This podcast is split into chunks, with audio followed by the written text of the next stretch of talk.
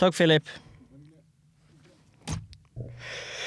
Jeg har Jeg kan egentlig altså, Du er ikke den gjesten jeg har mest informasjon på av de intervjuene jeg har gjort. Da, da kan vi bli litt kjent. Det er litt spennende, ja, jeg liker det veldig godt. Ja. Jeg har lyst til å begynne å spørre om hvor du er fra i Bergen. Jeg kommer fra Eidsvåg. Eidsvågneset. Hvis du vet hvor det er? Jeg vet godt hvor Eidsvåg er. Ja, ja, jeg har en bror som har bodd på Eidsvåg, på, på toppen. eh, Du vet sikkert hvor det er òg, du. du vet, det var masse trapper for å komme til toppen av huset. Så har du utsikt over en liten, et lite sånt nes. Jeg vet ikke akkurat hvor det er, men eh, Ja, det er jo på en måte Husker du pizzarestauranten? Det var en pizzarestaurant i svingen der. Ja, det er jo legendarisk Lamborg eh, pizzeria. Og der eh, så var det inn da, og så var det høyre venstre. Mamma Mia pizzeria, herregud. Mamma Mia pizzeria var det, vet du. choke på liksom jeg, Det har så mange historier fra Mamma Mia pizzeria. Og eh, det er et legendarisk sted, så shout-out til Mamma Mia pizzeria. Så det er det jeg òg har av Eidsvåg. Det er Mamma Mia pizzeria, og så at de bodde litt oppe i åsen der med fin utsikt. Ja, ja, det, det stemmer bra. Det er et fint sted, det. Men i oppveksten der, jeg ser for meg at du Det ble en del ring på spring og greier med deg på Ja, det var mye kødding, liksom. eh, Med liksom var, Ja, vi løp rundt i hager og fant på mye tull og, og sånn. Men det er det litt sånn glemt Eidsvåg. Altså I Bergen så tenker man bare ja, ok, man har Fanadel, Bergen sør, og så kommer Ja. man videre til, til Landås og Minde og forskjellig, så kommer man inn til bykjernen, og så tenker man med en gang Åsane eller Fyllingsdal igjen. Men man dropper litt Eidsvåg i, ofte i mange sammenhenger. Jeg er, jeg er helt enig. Eidsvåg er på en måte Det er et veldig fint sted, men det er ganske lukket. Så det er på I forhold til at Åsane og Tertnes og sånn har liksom Folk vet om det, og så Sandviken er ganske sånn Men Eidsvåg, på en måte, som du sier, liksom Det, det glemmes litt, da, på en måte. Og det ligger litt sånn det ligger liksom mellom de stedene, men det er også, du må liksom kjøre en liten vei, en liten omvei da, for å komme rundt Eidsvåg. Du må ut på gamleveien der. Hva kjente folk har vi fra? Vi har ikke noe Grieg fra Eidsvåg, har vi det? Fra Eidsvåg, du har jo Kniksen. Du er så fotballinteressert. Var Kniksen, Kniksen fra han Eidsvåg? var vokst opp eh, i et hus litt oppi der du snakker om, liksom på toppen av Eidsvollnesene. Men dagens Kniklas, alle forbinder jo Kniksen med, med, med Fyllingsdal, gjør man ikke det da? Men er han oppvokst på Eidsvåg? Ja, det, altså, jeg vet hvilket hus det er òg, og det er en sånn bane, en sånn grusbane der, og så er liksom Dette må jeg google. Kniksen. min altså- far har fortalt meg at han sto og skjøt liksom Liksom dag inn, dag ut, liksom på en sånn vegg der, da. Sånn der, når du skyter liksom ballen mot en, en ja, et fjell, på en måte. Jeg var sikker på at han var født i Fyllingsdal, men du har vel kanskje riktig, da? Ja, altså. Det er i hvert fall det jeg har blitt fortalt. Hvor gammel var du når du drakk din første ulovlige øl på Eidsvåg? Jeg ser for meg at du var Du var ikke mye eldre enn tolv, du. Jo, jeg eh, var vel kanskje sånn 15 eller 16. Jeg tror jeg hadde en kompis som var ett år eldre, og han, han begynte da han var 16. Så da kunne jeg begynne da jeg var 15. For vi var liksom ca. samme alder. da. Hvordan foregikk det da når du var, du med, var det sånn at du var med han ned på butikken, og så sto du litt Du sto rundt hjørnet bak en, en søppelcontainer, og så kom han ut med posen med en sekser med Hansa?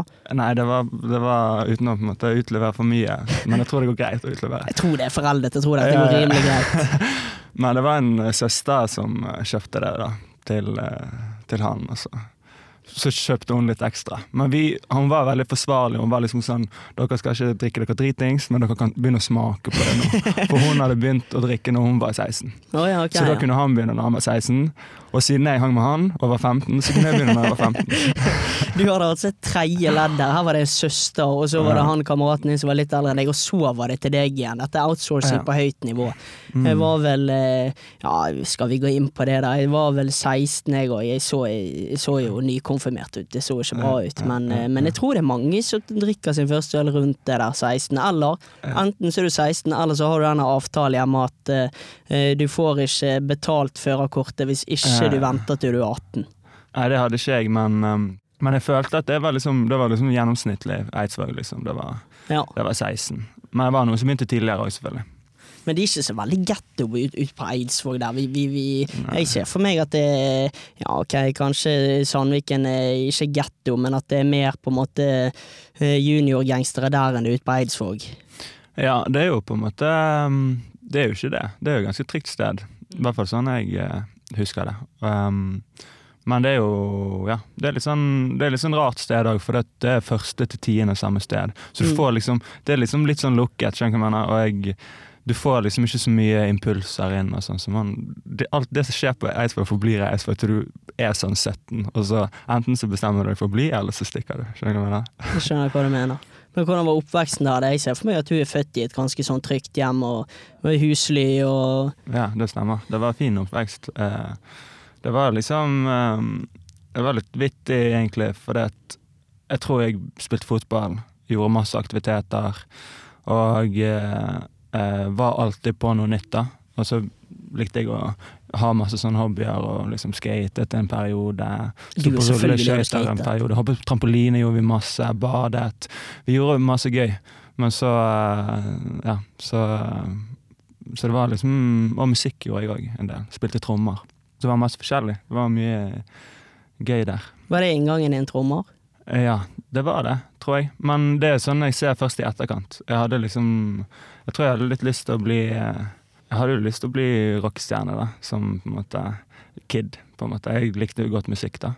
Hva legger du i rockestjerne? Legger du det som det i metaforen at du skal bli stor musiker? Eller Nei, da var det mer faktisk rockestjerne, okay. liksom. Da var det liksom Jeg tror liksom Jeg har liksom noen musikalske På en måte liksom Ting som traff meg veldig godt, da. Og én ting var liksom Green Day, liksom. Jeg hørte den American Idiot, hvis du Ja, husker den. ja, Og da var jeg bare sånn wow, det er den kuleste. Det var, jeg tror jeg var den første platen jeg eh, liksom Jeg på en måte kjøpte sjøl. Jeg arvet mye eh, plater av min søster og sånn.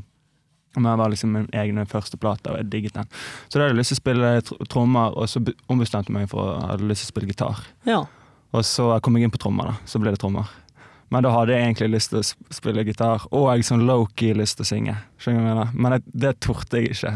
Og det, det begynte jeg med litt sånn seinere. Hva er det? Det der er et sånn rart, litt sånn rart fenomen. De som sitter bak instrumentene som egentlig har lyst til å synge. Ja, ja, ja. Men det, jeg hadde ikke selvtilliten til å synge, liksom. Og Nei. jeg husker jeg sa til min mor en gang bare sånn faen. Eller jeg sa liksom at jeg hadde litt lyst til å begynne på sangtimer. Og så sa hun det til trommelæreren min. Og så så ja. sa hun sånn ja, dette kan vi sikkert få til. Men så, jeg tror ikke jeg hadde liksom Jeg hadde ikke selvtilliten til å gjennomføre det. da. Så det var liksom bare sånn Jeg tror jeg så vidt nevnte det, liksom. Men, eh, men eh, det var jo på en måte Trommer var jo noe som har veldig mye å si for hiphopen min nå, føler jeg, da. Ja. På hiphop, det er liksom Det er det er liksom tekst og ord med rytme, men rytmen er veldig sentral, og flowsen er veldig sentral. Mm. Og de er ganske lik eh, liksom en trommefill eller en groove, liksom. Så jeg tror på en måte rytmen Jeg kjenner mange, jeg begynte å rappe med mange som ikke hadde rytme. Så den satt alltid, liksom. Men det var jo ikke at det var best å skrive, det tok litt lengre tid. Så, er det noen som har lyst til å ringe her, som har lyst til å Ja, hallo? Hallo, det er Nordea. Det er nå det, ja. Du, jeg sitter og spiller inn en podkast her med en rimelig Jeg vet ikke om jeg skal kalle han up and coming nå lenger. Han er jo en ganske stabil sånn musiker. Eirik Aas heter han. Har du hørt om han? Å ja. Nei, men det burde jeg kanskje. Han har eh? Han har eh, vært med i eh, Ja, de kaller vel bare seg Vi på gaten kaller de for hester, med fulle navn er Hester V75. Har du hørt om de? Ja, ja, ja. ja. Du har det, ja? Det har jeg hørt om. Ja da, det har jeg hørt om, faktisk. Men du, hva, Altså, ja. Ja, nå avbrøt jeg deg igjen. Har du noe der? Du, ja, jeg sendte deg sånn eh, Vi sendte ut en sånn SMS om samtykke. Bare lurte på om tid du har sjanse til å snu rundt kjapt og bare få gjort det. Du, jeg får gjort det med en gang jeg er ferdig å spille inn her. Ja, Og Nei, så, men det er helt supert. og så lurte jeg på om For Fordi at nå, nå havnet jo du med på, på tape her. Kan jeg bruke dette her, eller må jeg klippe deg ut? Nei, det går fint. det. Det går fint. Det går fint, det. Det Men du, var jo nevnte jo det samtykke, og det er jo kanskje ikke så veldig greit og kanskje litt konfidensielt, men, men det er vel Ja, men tror du lytterne mine vet hva samtykke det er snakk om, da? Nei. Nei, det tror ikke jeg De heller. vet ikke det. De vet ikke det. Det, det, er store, Nei det er store summer, det kan vi røpe for de. ja, dette er ikke noe knussel. Ja, det er veldig bra. Du, ja, snu deg rundt så kjapt du kan, og så eh, er vi på, på saken. Jeg fikser det jeg fikser det kjapt etter jeg er ferdig her. Greit, det. Nyt helgen. Hei. Hei. Beklager det. Det er mye Det er telefoner, det er store summer, det er kontrakter som skal signeres. Eh, så jeg beklager det, Eirik. Men skal jeg ta heller og introdusere deg? Ja, gjør det. Da må jeg bare ta Mac-en litt nærmere. Du skjønner, jeg har fått så grådig dårlig syn. Eh, så jeg må jo komme og få tatt meg en sånn synstest eh, før det blir et ordentlig problem. Det er jo litt kjedelig å snuble i hver eneste linje du leser, men vi prøver, vi. Hvordan reagerer og agerer du på sniking i kø? Og det syns jeg er herlig. Hva jeg tenker om ordstreit? det forbinder jo det med kjedelig, normal. Var det spørsmålet? ja. Gå nå fuckings to meter til, da. Kan ikke stoppe rett etter en rulletrapp. Vi må få trommevirvel. Ja. Du er ingen streit person. Hvis du sier jeg er streit, da blir jeg forbanna. Du er streit. Lite streit. På besøk har jeg en rapper som ikke går i Gucci-klær, og for meg så er han mest kjent som en av medlemmene i Hester V75, og for de som ikke har verdens dypeste musikkbibliotek, så snakker jeg ikke om travsport, men om bergensgruppen som har slagere som 7 til 5 og gåte. Den siste tiden har han riktignok vært mest kjent som soloartist, hvor han har gitt ut tre plater, og den fjerde er rett rundt hjørnet. Fyren som har prøvd seg på frisyrene backslick, skinfade, slim shady, pink shady, gjør som mange andre artister, vil være gjest når de har musikk like rundt hjørnet.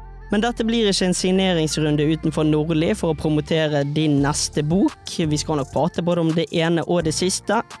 Ås Pilsner, Eirik Vås, ikke Gucci, men Levis-rapperen, eller bare Eirik Aas, haler igjen. Hallo. Dette her, da stemmer det? Veldig, veldig fin intro. Hva burde jeg, eh, hva burde jeg inkludert her som ikke er med? Hvis vi skulle beskrevet deg, hva er det vi mangler her? Hva er mest essensielt for hvordan du er som type? Jeg føler jo på en måte at uh, alt det der beskriver meg bra, men ingen av tingene beskriver meg som type. Nei, det Liksom gjør det jo ikke. Så det, måte, det er jo det jeg håper vi, på vi kan gjøre her, liksom bli litt bedre kjent. Men hvis jeg hadde spurt uh, kameratene dine, da, hva hadde de sagt eh, om hvordan du er som type? Jeg tror de hadde på en måte gått god for meg, da.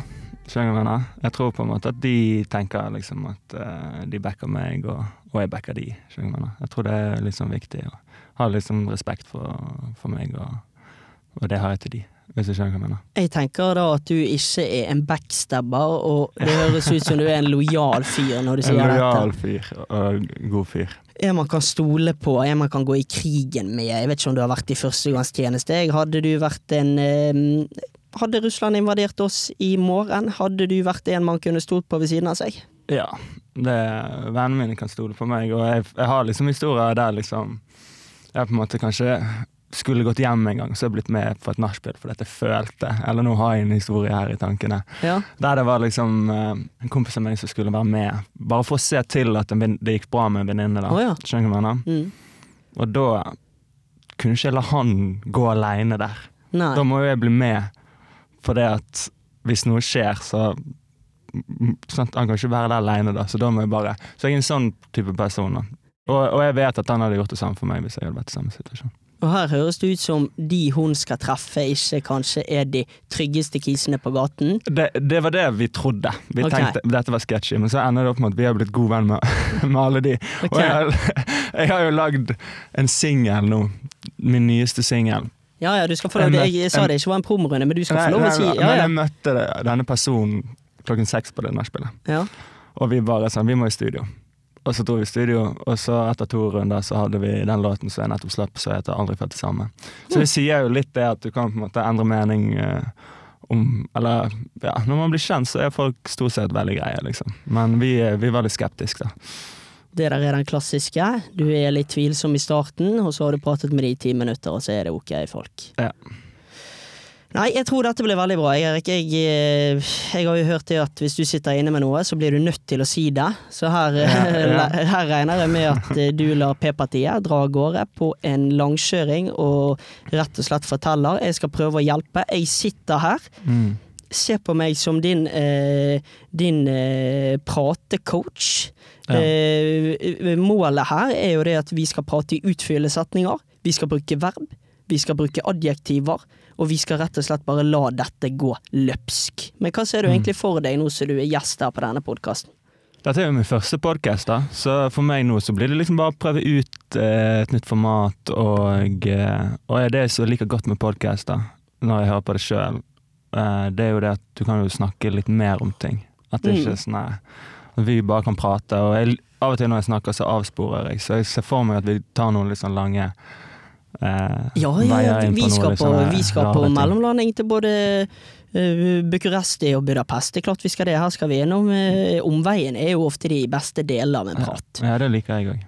Du har satt deg ned på, på uh, sidemålstentamen og skal skrive da en, eh, en skjønnlitterær, skjønnlitterær tekst på nynorsk om eh, forelskelse, men du ender med å, å dele brøk. Det er sånn jeg liker det, hvis det Mm. ga mening.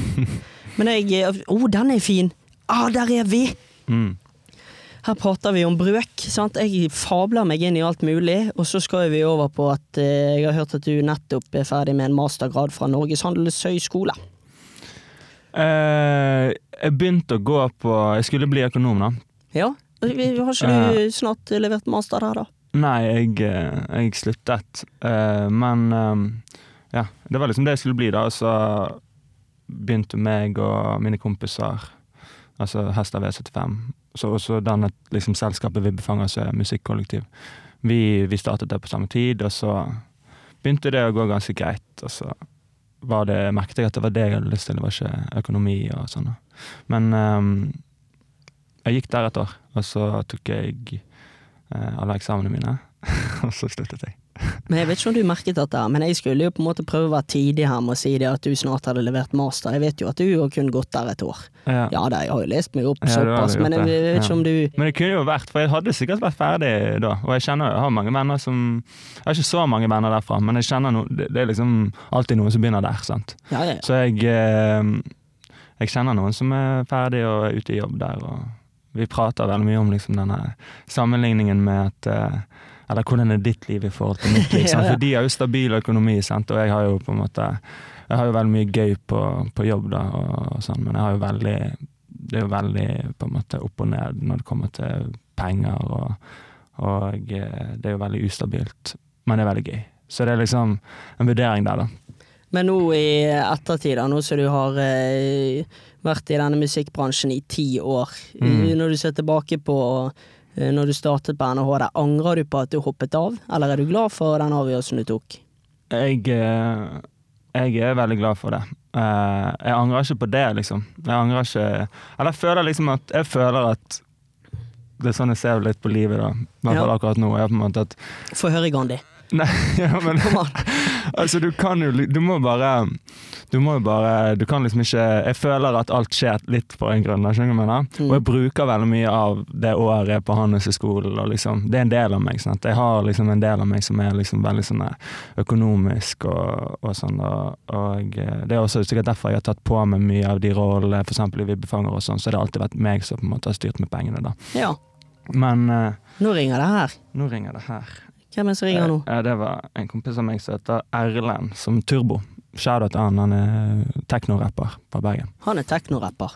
Jeg, jeg føler ikke at jeg kan ikke si på en måte shout-out. Jeg, jeg kan ikke si shout-out på samme måte som du kan si det. Du, det her ringer kompiser, sant? og så er det alltid Hva var det du kalte han? Turbo? Turbo. Jeg lover deg, du hadde digget den. Han er, han er rå. Jeg tror alle hadde digget den. Han liksom Han skal varme opp for meg. Så nå, jeg må bare utnytte muligheten, men han skal varme opp for meg i Bergen på verftet. Så Ja. blir en stor ting for meg.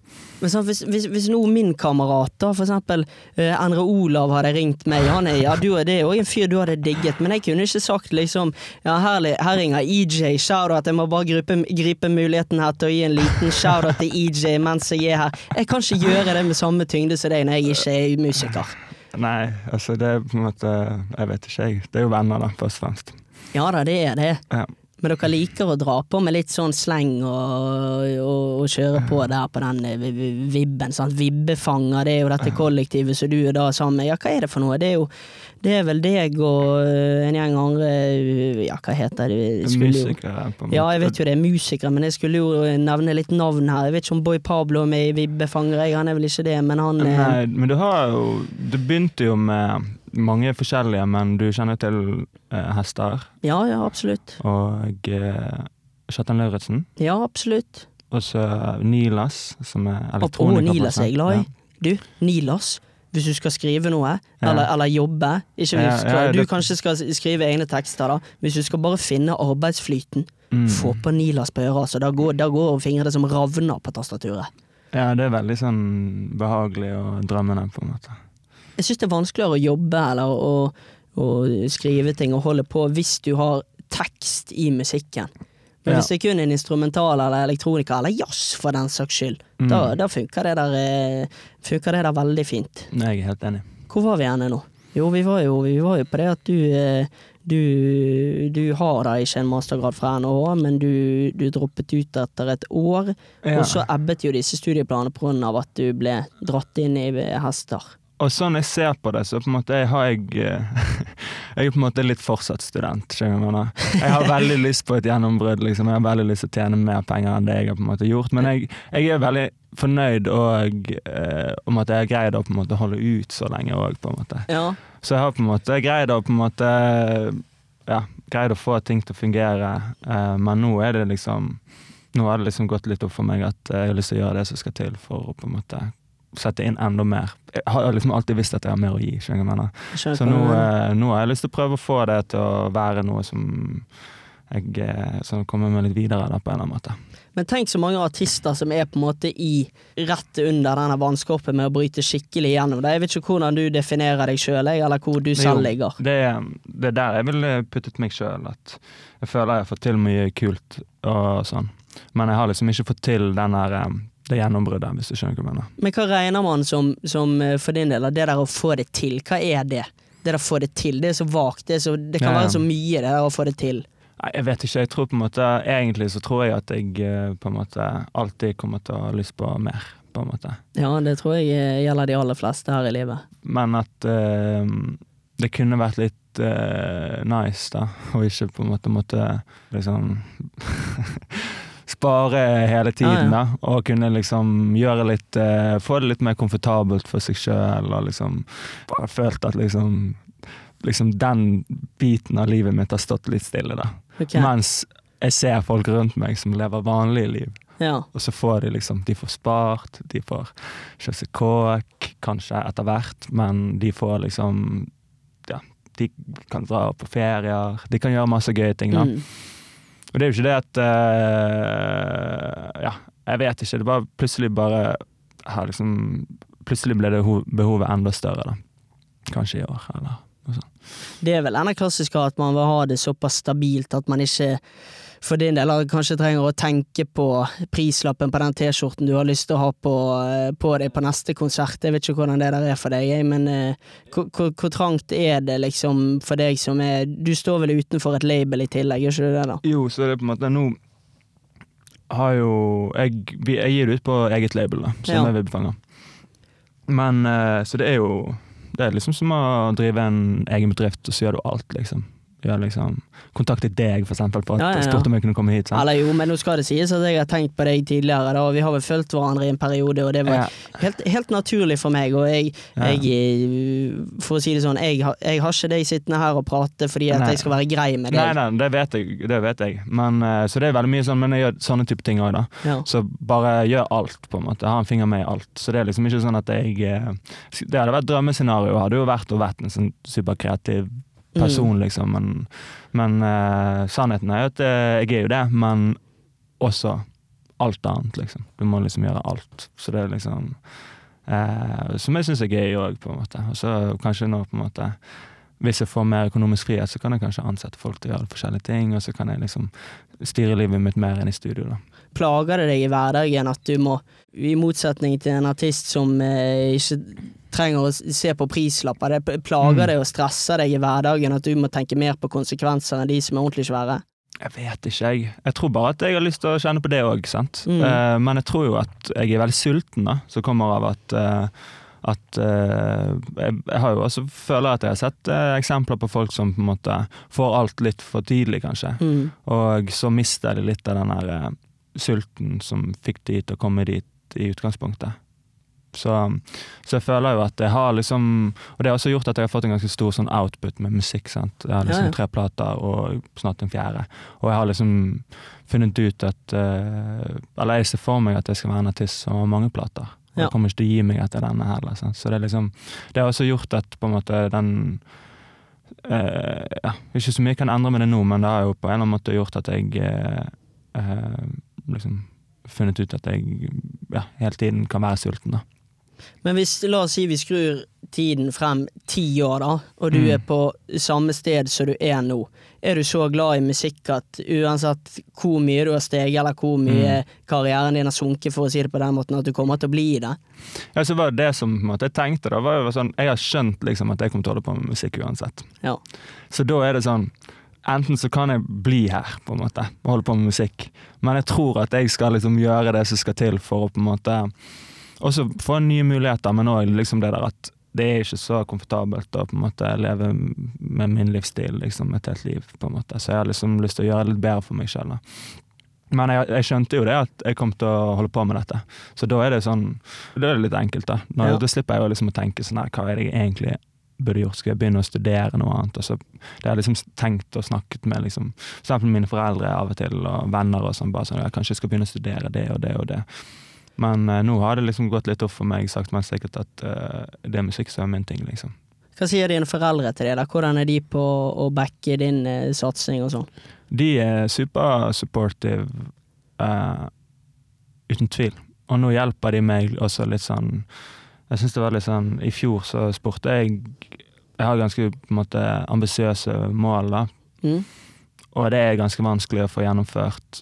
Eh, og så eh, har jo de mer erfaring med livet og sånn enn meg. Og faren min er økonom, for eksempel. Ja. Spurte jeg han om han kunne liksom hjelpe meg litt og, liksom Hva tenker du på da? Økonomisk og sånn? Ikke økonomisk, Nei. på en måte. Jeg har, jeg har fått hjelp liksom av og til, men det, jeg er liksom motstander av å få for mye hjelp, og det tror jeg også de er veldig sånn motstander av. liksom at eh, Jeg tror ikke det kommer ingenting veldig godt ut av det heller, på en måte. Så det er på en Nei. måte Men jeg har jo, hvis jeg hadde lånt, trengt å låne penger, så jeg har fått lånt penger, men jeg har liksom alltid en sånn her mål om å betale tilbake, og eh, har liksom eh, men, men det er faktisk mer en sånn slags Det jeg kaller han, det er business manager. Jeg har en manager her i Oslo som heter Lukas, og vi jobber dag til dag liksom, og prater om alt mulig. og sånn. Men trengte å få litt på stell den businessen. da. Og da spurte jeg han. Så vi har liksom på en eller annen måte bondet litt over det òg. Det Ja. jo litt sånn At du jobber sammen med far på den måten? på en måte. og Litt sånn utradisjonelt, i hvert fall som en rapper, å gjøre det. Men um, det har hjulpet meg mye, og det har liksom pushet meg som faen. liksom, og, og sånn. Og nå, eh, så Da følte jeg også på en måte Min mor ble litt sånn utelatt. skjønner du hva jeg mener? Kanskje tidligere så var det hun jeg hadde mest kontakt Ja, med. da. Og så plutselig så var kanskje ikke hun på en måte pratet så mye med hun da. Men eh, nå har jeg begynt å prate litt med henne, for hun, jeg skal arrangere de her konsertene i, i april. Og så hjelper hun meg med liksom, litt sånn logistikk og sånn, og bestille flybilletten og sånn, for dette er mye ting å holde styr på. Og hun er dritgod å planlegge. Så, det er liksom, så jeg føler liksom at det begynner å bli liksom en familiebedrift litt, da. Men det er jo meg, på en måte. Men, men eh, siden jeg bruker så mye tid på det og sånn, og, og tenker så mye på det, så er det fint å kunne liksom inkludere de litt, og jeg tror de syns det er gøy òg. Så Det er det nok. en kombinasjon av det og ha masse venner òg. Så jeg liker å jobbe med venner og familie, egentlig. Men du har vært i dette her i ti år, som du synger og, Mm. og, og sier. Etter alle de ti årene, hva er det Mm. mest irriterende? Hva er det som er aller mest drit med musikkbransjen?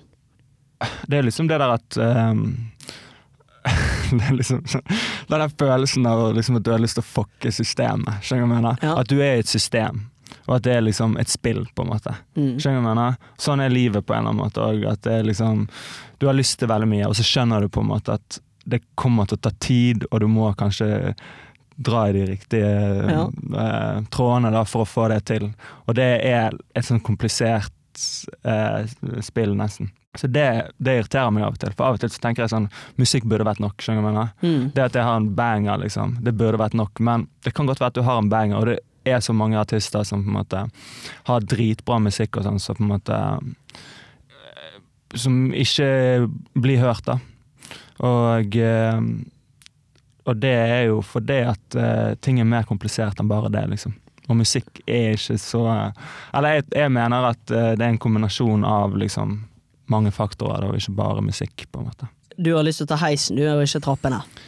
Ja, altså, nå har jeg jo skjønt at jeg må ta trappene. Det er, liksom, det er ingen vei rundt det. Men jeg har mange ganger tenkt på det, og det har irritert meg som faen. Liksom, at um, at eh, det ikke er liksom eh, ja, At den veien den viser seg til å være lenger og lenger og lenger. og lenger. Men må- jeg kan også se tilbake på at jeg har også kommet lenger òg, så det er liksom Det er bare ja, glad for det, egentlig. Men vi skrur det tilbake til eh, når du ble dratt inn i det med, med hester. da. Hvor gammel Mm. var du da? Da var jeg eh, 16, og da hadde jeg akkurat meg og mine, et par kompiser på Eidsvær. da. Ja. Eh, vi hadde liksom lagd en køddelåt der vi bare pratet mye om liksom Altså det begynte jo med det liksom og Vi var jo fan av rapp, liksom. Mm. Men da, da var jo det bare tull. Vi kunne ikke stå inne for noe av det vi sa, liksom. Eller da var det liksom Alt var fantasi? Alt var fantasi. Dere lekte 50 Cent og Tupac og forskjellige tekstene? Ja, men vi var liksom litt mer inspirert av sånne Yo-guttene og i hvert fall i den låten så var det litt mer inspirert av at Yo-guttene hadde liksom slått gjennom med liksom humoristisk Ja. og gøy rapp. da. Og uh, han Young Lean, hvis du vet hvem det er, han svensken. sant? Jeg har hørt om Young Lean. Ja. Hørt om Young Lean. Så da var det liksom liksom, Det skiftet der var vel det at uh, jeg så aldri på meg sjøl som en rapper. Jeg har aldri gjort det, liksom. Uh, jeg ser på meg sjøl som en rapper nå, men jeg måtte liksom Det var liksom ikke Jeg var ikke født til å være rapper, for å si det sånn. Og da var den der inngangen der og at noen andre hadde gjort det litt før, på en litt sånn her At de var, holdt på med hiphop, men var liksom utypisk rappere. Mm. Det var liksom litt inngangen for min del, da. Og så uh, begynte de vennene jeg møtte på videregående, som var uh, ja, resten av Hester V75, da. Ja, for jeg trodde noen av de var ganske mye eldre enn deg. Jeg. Uh, nei, Rafi er to år eldre, men han, begynte, han gikk på samme skole som meg. Ja. Men, men han var jo selvfølgelig mye fetere. Han er, han en fortsatt er det. men ja, vi var liksom alle samme sted, og jeg tror kanskje jeg var en av de siste som ble involvert i det på en eller annen måte. Min tanke rundt det var at jeg kanskje bare tilfeldigvis var der en gang. Ok. Og så hadde David hørt denne køddelåten, og så sa David Grytner, Grytten, altså, da, denne bergensprodusenten som jeg Ja. før denne episoden òg har prøvd å, ringe. Ja. Hei, David. det er hyggelig å få kontakt med deg her. Jeg vet ikke om du hører på. Jeg skulle jo selvfølgelig prøve å fiske tak i noen historier fra David. Mm. Tok ikke telefonen. Eh, sendt melding, ikke respondert. David, vit at eh, neste gang jeg ser deg eh, spankulerende i Bergen, der du har på deg eh, ditt Bose-headset og hører på Nilas, så blir det Det blir Så blir det håndgemeng, altså. Det blir Så blir det å, å, å stirre litt på deg, og så ser vi om det utvikler seg. Vi tar det derfra. Nei da, du virker som en fin fyr, og så er du utrolig dyktig som musikkprodusent. Hvor var du, Eirik? Nei, det var at uh, han, uh, han bare hadde hørt den køddelåten, og så sa han sånn at du må også legge ned et vers. Og da var det sånn Legge ned et vers på en Ja, hestesang? Ja, på en, på en beat han hadde mekket. da. Det Ja. var jo liksom før på en måte kanskje hester var helt definert, da. Men var i den perioden, da. Og da måtte jeg eh, liksom ta meg sammen og på en måte eh, bare sånn her Jeg syns jo det var jeg synes noen ganger fortsatt det å være i et rom og skal spille ned et rappvers, og så er det folk rundt Jeg må liksom bare For enten så kan du liksom stå der, og så kommer det bare sånn litt sånn Ja, ja. veldig forsiktig ut av et vers, og da er det ingen som syns det er fett. Så, må du liksom samle krefter og bare si det som du mener det, da. Og du må jo helst mene det. Men syns du det er litt sånn som denne feelingen at nå skal jeg holde tale for en forsamling? Jeg hater å holde tale. Det er liksom Men jeg har skjønt at jeg må gjøre det, da. Og jeg må gjøre det hvis, hvis det er liksom hvis, Ja. Jeg har holdt en tale før. Okay. I 60-årsdagen til mine foreldre. Og eh, jeg tror det kommer til å bli mange flere. Men det er ikke sånn at jeg er sånn naturlig taleholder, liksom. Det er ikke det. Men uh, hvis jeg føler liksom at jeg må gjøre det, så gjør jeg det. Men når man er i et studio, og kanskje det er, kanskje det er fem-seks personer der, du er Mm. ikke så godt kjent med alle.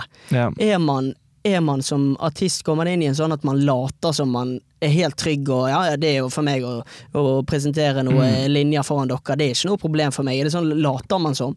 Jeg vet ikke. Jeg tror kanskje av oss så tror jeg det er noen som det kommer veldig naturlig for, på en måte. Ja. Der at bare har liksom bare super selvtillit, og noen må kanskje finne selvtilliten mer, da. I øyeblikket. jeg? Jeg tror Mm. jeg var en av de som måtte finne selvtilliten mer i øyeblikket, og det tror jeg fortsatt på en eller annen måte sånn at jeg må liksom bare sånn OK, dette er det jeg digger, liksom. Jeg, jeg må bare ta meg sammen, og så gjør jeg det. skjønner du hva jeg mener? Så noen har bare den derre supernaturlig selvtillit og bare uh, For eksempel Ingo, han er en sånn person. Ingo, en av Ok. rapperne i Hester, han er sånn Ja, jeg vet hvem Han han er. har, han har liksom alltid, i hvert fall i mine øyne, da, veldig sånn Han har selvtillit på tingene han gjør, liksom. Han er cool når han gjør det. Han er cool. Ja. Jeg hadde et oppfølgingsspørsmål der på dette her med Jo, når det er en eh, Hvis det er en eh, Dere lager en låt med flere artister, og så er det en som prøver noe greier legger et vers, Mm. og så er, syntes dere egentlig at du, dette her var rein drit. ja. Er det sånn, Sier man det da til hverandre rett i ansiktet, eller er det sånn eh, sminker man den grisen og later litt sånn? Jeg tror kanskje at det um, Jeg tror at det kommer frem, men jeg tror vi prøver å på en måte ikke drepe selvtilliten til den Ja. personen. Og jeg er også på en måte Jeg vet jo det, for du vet av og til sjøl at det er Mm. sånn Nei, faen, det var det, er sånn, det er lov til å gjøre feil, liksom. Og jeg, jeg legger jo liksom Denne prosessen med å lage musikk er jo mye, å gjøre mye feil, liksom, og prøve ut ting. Um, og noen ganger så blir det kult, da. Men um, men det er jo det. er- Men eh, nå har vi også lært oss litt mer og hvordan å gjøre det, så det kan godt være at det der er det resultatet vi fikk i starten, liksom, Mm. når det bare var sånn der helt uh, ja, elendig, liksom. Det er ikke så ofte det skjer nå lenger, på en måte. Men, uh, men det skjer fortsatt det der at uh, jeg bare må tenke over at liksom Liksom, jeg er helt elendig? Hva var dette her? Ja. Jeg bare syns det er så interessant. med- Jeg har vært, eh, Ja. Nå har ikke jeg vært mye, tilbrakt mye tid i studio med Nei. artister, men jeg har gjort det et par ganger. Jeg bare syns det at når folk er der inne og Mm. uh, har på seg sine klær og skriver sine linjer, folk ser så fete ut. Mm. Og så bare vært nysgjerrig på er dette en er dette en fasade? Er det fordi man er veldig komfortabel de man er rundt, eller er det sånn denne greien er? Nei, jeg bare syns det der er fascinerende. Jeg tror at hvis man ender opp med å være mye i studio, Mm. så tror jeg du er veldig komfortabel i den settingen. Og det er noe av det jeg syns er gøyest. Å bare henge ut og være der. Ja. Og jeg eh, kan være ukomfortabel i mange settinger, men akkurat i studio så føler jeg at det er et sånt rom jeg liker å være i, liksom. Og eh, jeg tror ikke det er noen fasade, egentlig. Nei. Men kan du bli stresset hvis det på en måte kommer masse folk, og folk driver og inviterer venner og sånn, og plutselig er det ti personer der når du skal, du skal gjøre ferdig en låt du har brukt lang tid på? Jeg kunne bli veldig stresset av det. Eh, nå har jeg faktisk, på denne platen, så har jeg brukt det til en fordel. For det eh, merket jo det, og også hørt at eh, at mange mener at de rapper bedre når det er folk rundt dem. Litt som publikum på fotballkamp? Ja, det er akkurat som at du må Du kan ikke gjøre det kjedelig for vennene dine som sitter i sofaen. Skjønner du hva jeg mener? Og da er det sånn Jeg må holde låten i gang, jeg må si noe interessant, jeg må levere. For ellers så kommer alle de til å gå. Eller så ender det opp med å bare bli liksom At du ender opp med å prate med noe, om noe annet. Liksom, og bare sitte i sofaen og bare høre på musikk og prate. Så det er liksom Jeg har tenkt det at jeg I prosessen nå så har jeg hatt mange Jeg har liksom alltid hatt sagt til vennene mine bare sånn Join meg i studio kom til studio, uh, så kan vi sammen på en måte kanskje styre litt hva det skal være. Og så, Ja. så, så blir det litt pressure, da, på en måte. Og også når jeg er med andre, jeg lager mye musikk med andre rappere. Mm. Og det er en superfet ting, for da har du noen du har lyst til å imponere. Og det blir liksom en Sånn, ja. konkurranse, men du vil hverandre det beste, for dere skal lage låt sammen. Mm. Spesielt med rappere, så er det rapp og konkurranse det er ganske sånn hånd i hånd på en måte ting. da. Og da er det liksom eh, litt sånn low-key om å lage Kanskje det feteste verset, men i hvert fall imponere og liksom være en god rapper, på en Ja. måte. Og ha et bra vers. Så. Men hvordan fungerer den konkurransen sånn ellers, da? Med, hvis vi tar for eksempel noen av de du var i hester med, da. Hvis en av de slipper en eh, kul låt som soloartist, når du ser den låten og den eh, kanskje Mm. får litt plays og sånn, da blir du irritert? Tenker du da sånn faen, nå skal jeg rett i studio, så skal jeg slå den låten igjen, eller hvordan funker det? Jeg tror jo at uh, i hvert fall i det tilfellet, så tror jeg vi på en måte er så glad i hverandre da, at på en måte at der er det bare kjærlighet. skjønner du hva jeg mener? Vi vil, og jeg vil se folk vinne, alle rundt meg. Jeg, det er liksom, jeg, jeg føler av og til på liksom en, sånn, en konkurranseinstinkt, liksom, og, og sånn, men det er naturlig og menneskelig på en eller annen måte. Men jeg vil se andre folk vinne i tillegg. I wanna see my friends get that bag! Ja, ja, uten Hva tvil. sier dere på norsk der? Uh, jeg vet ikke, se folk vinne, jeg vet ikke. Men jeg, jeg vil det, uten tvil. Så Win! Win. Åh, Men uh, det klipper jeg ut. Nei da, ha det. Du må ha det der. Du må stå for det. Jeg vet ikke om jeg klarer å stå i det, men jeg har faktisk en ganske bra Rick Ross. Ja, kan jeg høre din Rick Rose? Åh! Åh, Hva mer er det han sier? da? Han sier noe mer. Åh, jeg vet ikke. Jeg liker Rick Rose. da. Ja, han er veldig bra. Apropos flow. Mm. Hvor var vi Og henne? stemme. Nei, eh, men Du vil se dine venner vinne. Ja, og, men jeg har liksom av og til så Senest i går så tenkte jeg liksom Var jeg inne og så på New Music Friday og sammenlignet med litt mer artister. Nei, sånn som jeg gjør du det? Ja, altså, jeg gjør det, men jeg, jeg vet jo at dette her er bare bullshit. Men skjønner mener? Ingen er perfekte, så det er liksom Sånne ting Sånne tanker kan liksom slide litt inn. Sant? Okay.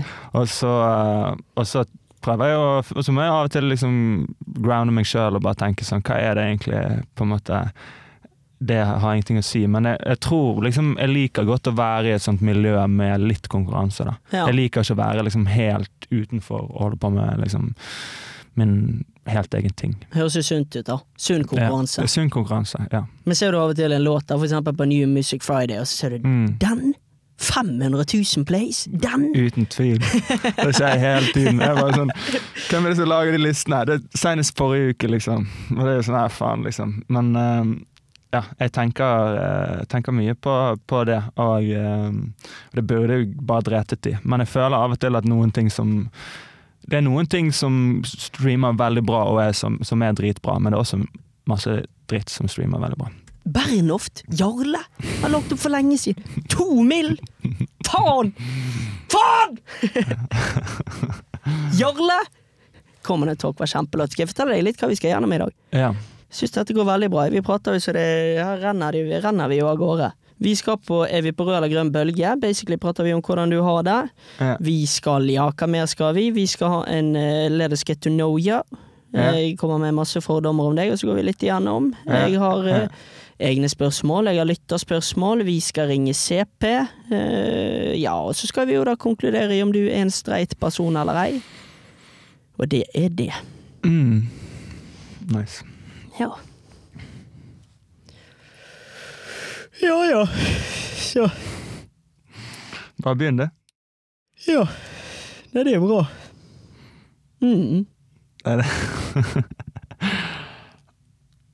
Fyr løs. Ja. Nei, dette er bra. Mm. Mm. Nei, vi går på Er vi på rød eller grønn bølge, vi. Ja. Går det med Badkar? La meg si det slik. Rakk ølsalget med ti sekunder i sted. Ja, hvordan går det nå igjen? Nei, kjørte over katten min i sted, da, så Er vi på rød eller grønn? Og det er jo et veldig enkelt spørsmål. Det handler jo litt om hvordan du har det. Du slår meg når jeg ser på deg som en type som kan gå inn i skallet sitt av og til og ha det litt kjipt, men så ser jeg også for meg at du er raskt opp igjen. Hvordan er det akkurat nå? Nå er jeg eh, oppe. Du er ganske god å lese folk, føler jeg. Ja, det vil jeg si. Jeg er ikke utdannet psykolog, men eh, hobbysnekker i den betydning, absolutt. Ja. Absolutt. Jeg stiller jo eh, daglig eh, diagnoser, skriver ut resepter. Gjør jo ikke det, men ja. Jeg ser for meg at du er glad i å gå med Jordans, for eksempel. Det, Ja, de fant det fram. det gjør du jo selvfølgelig, sant. Der er vi. To av to. Ja. Men fortell, hvordan, hvordan går det? Nei, det går, det går fint. Jobber mye om dagen og, og har det fint med det, egentlig. Og sånn som du sier, av og til så på en måte Jeg har liksom sånn der eh, Jeg merker jo det, jeg begynner å kjenne meg Vi er 27 år, sant. Mm. Begynner å kjenne meg sjøl litt bedre enn jeg gjorde når 96 du, da? 96. Ja. Begynner å liksom legge merke til hva som får meg til å føle meg dårlig. da. Når jeg, når jeg begynner liksom å eh, Humøret begynner å bli litt dårlig, da, så vet jeg hva jeg må gjøre for å fikse det. Hva er det som skrur eh, på regnværet i topplokket der, da? Skru på regnværet i topplokket. Ja, kanskje den var litt avansert. Det er kanskje en linje du kunne stjålet i eh, neste låt. Ja, Eh. hva er det som gjør at du får en gråværsdag? Tar du den? Jeg vet ikke. Jeg tror jo bare på at humøret går naturligvis opp og ned, liksom. Ja, Og jeg prøver ikke å tenke så veldig mye på det. Og at jeg kan liksom bare våkne en dag og ikke ha en så god dag. Det er bare sånn det kan være, på en måte. Så Ja, ja. da, da prøver jeg heller å se optimistisk på ting. Hva kan jeg gjøre for å føle meg bedre?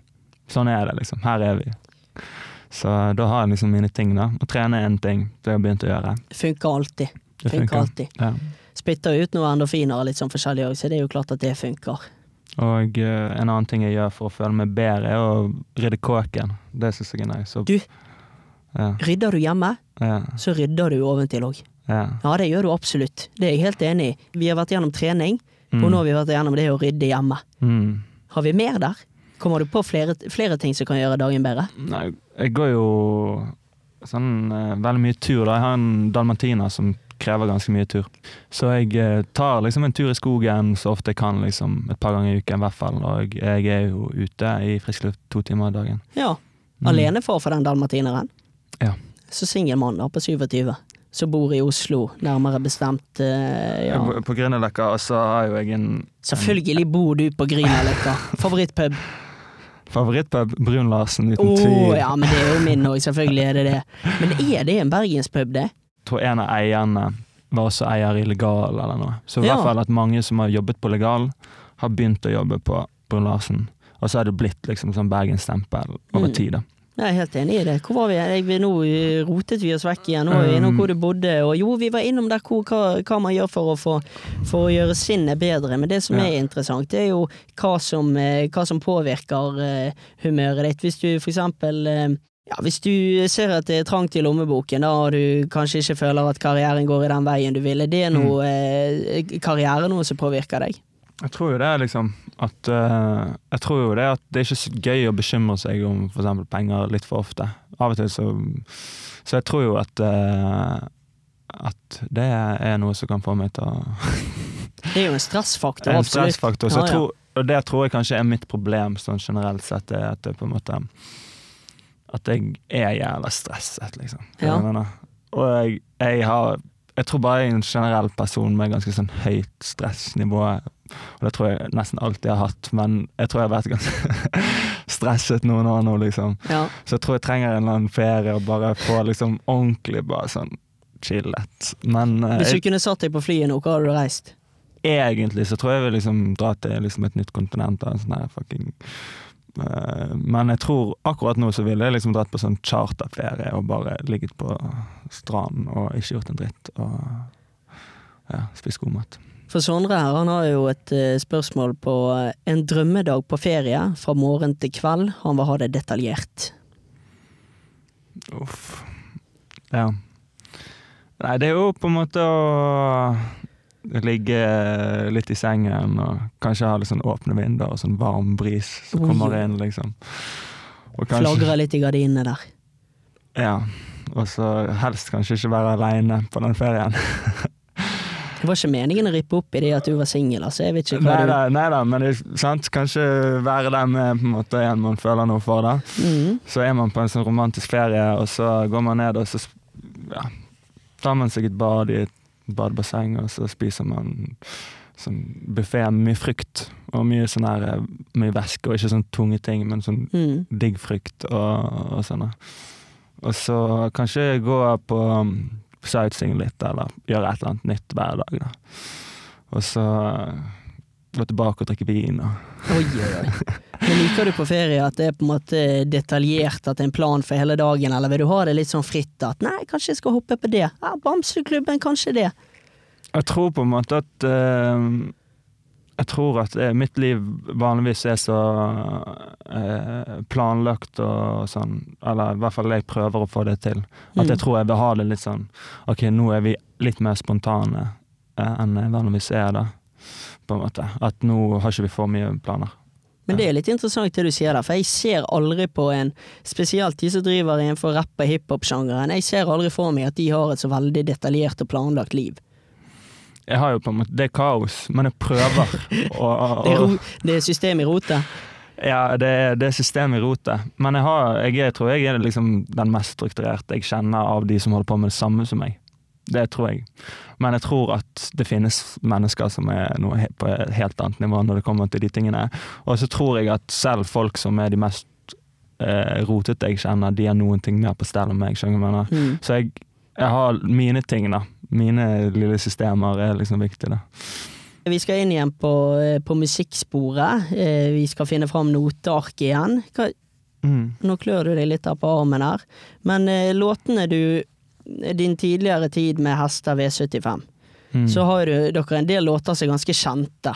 Mm. Og jeg vet ikke hvordan du sammenligner det, men har du hatt mer suksess som en del av hester enn det du nå har som soloartist?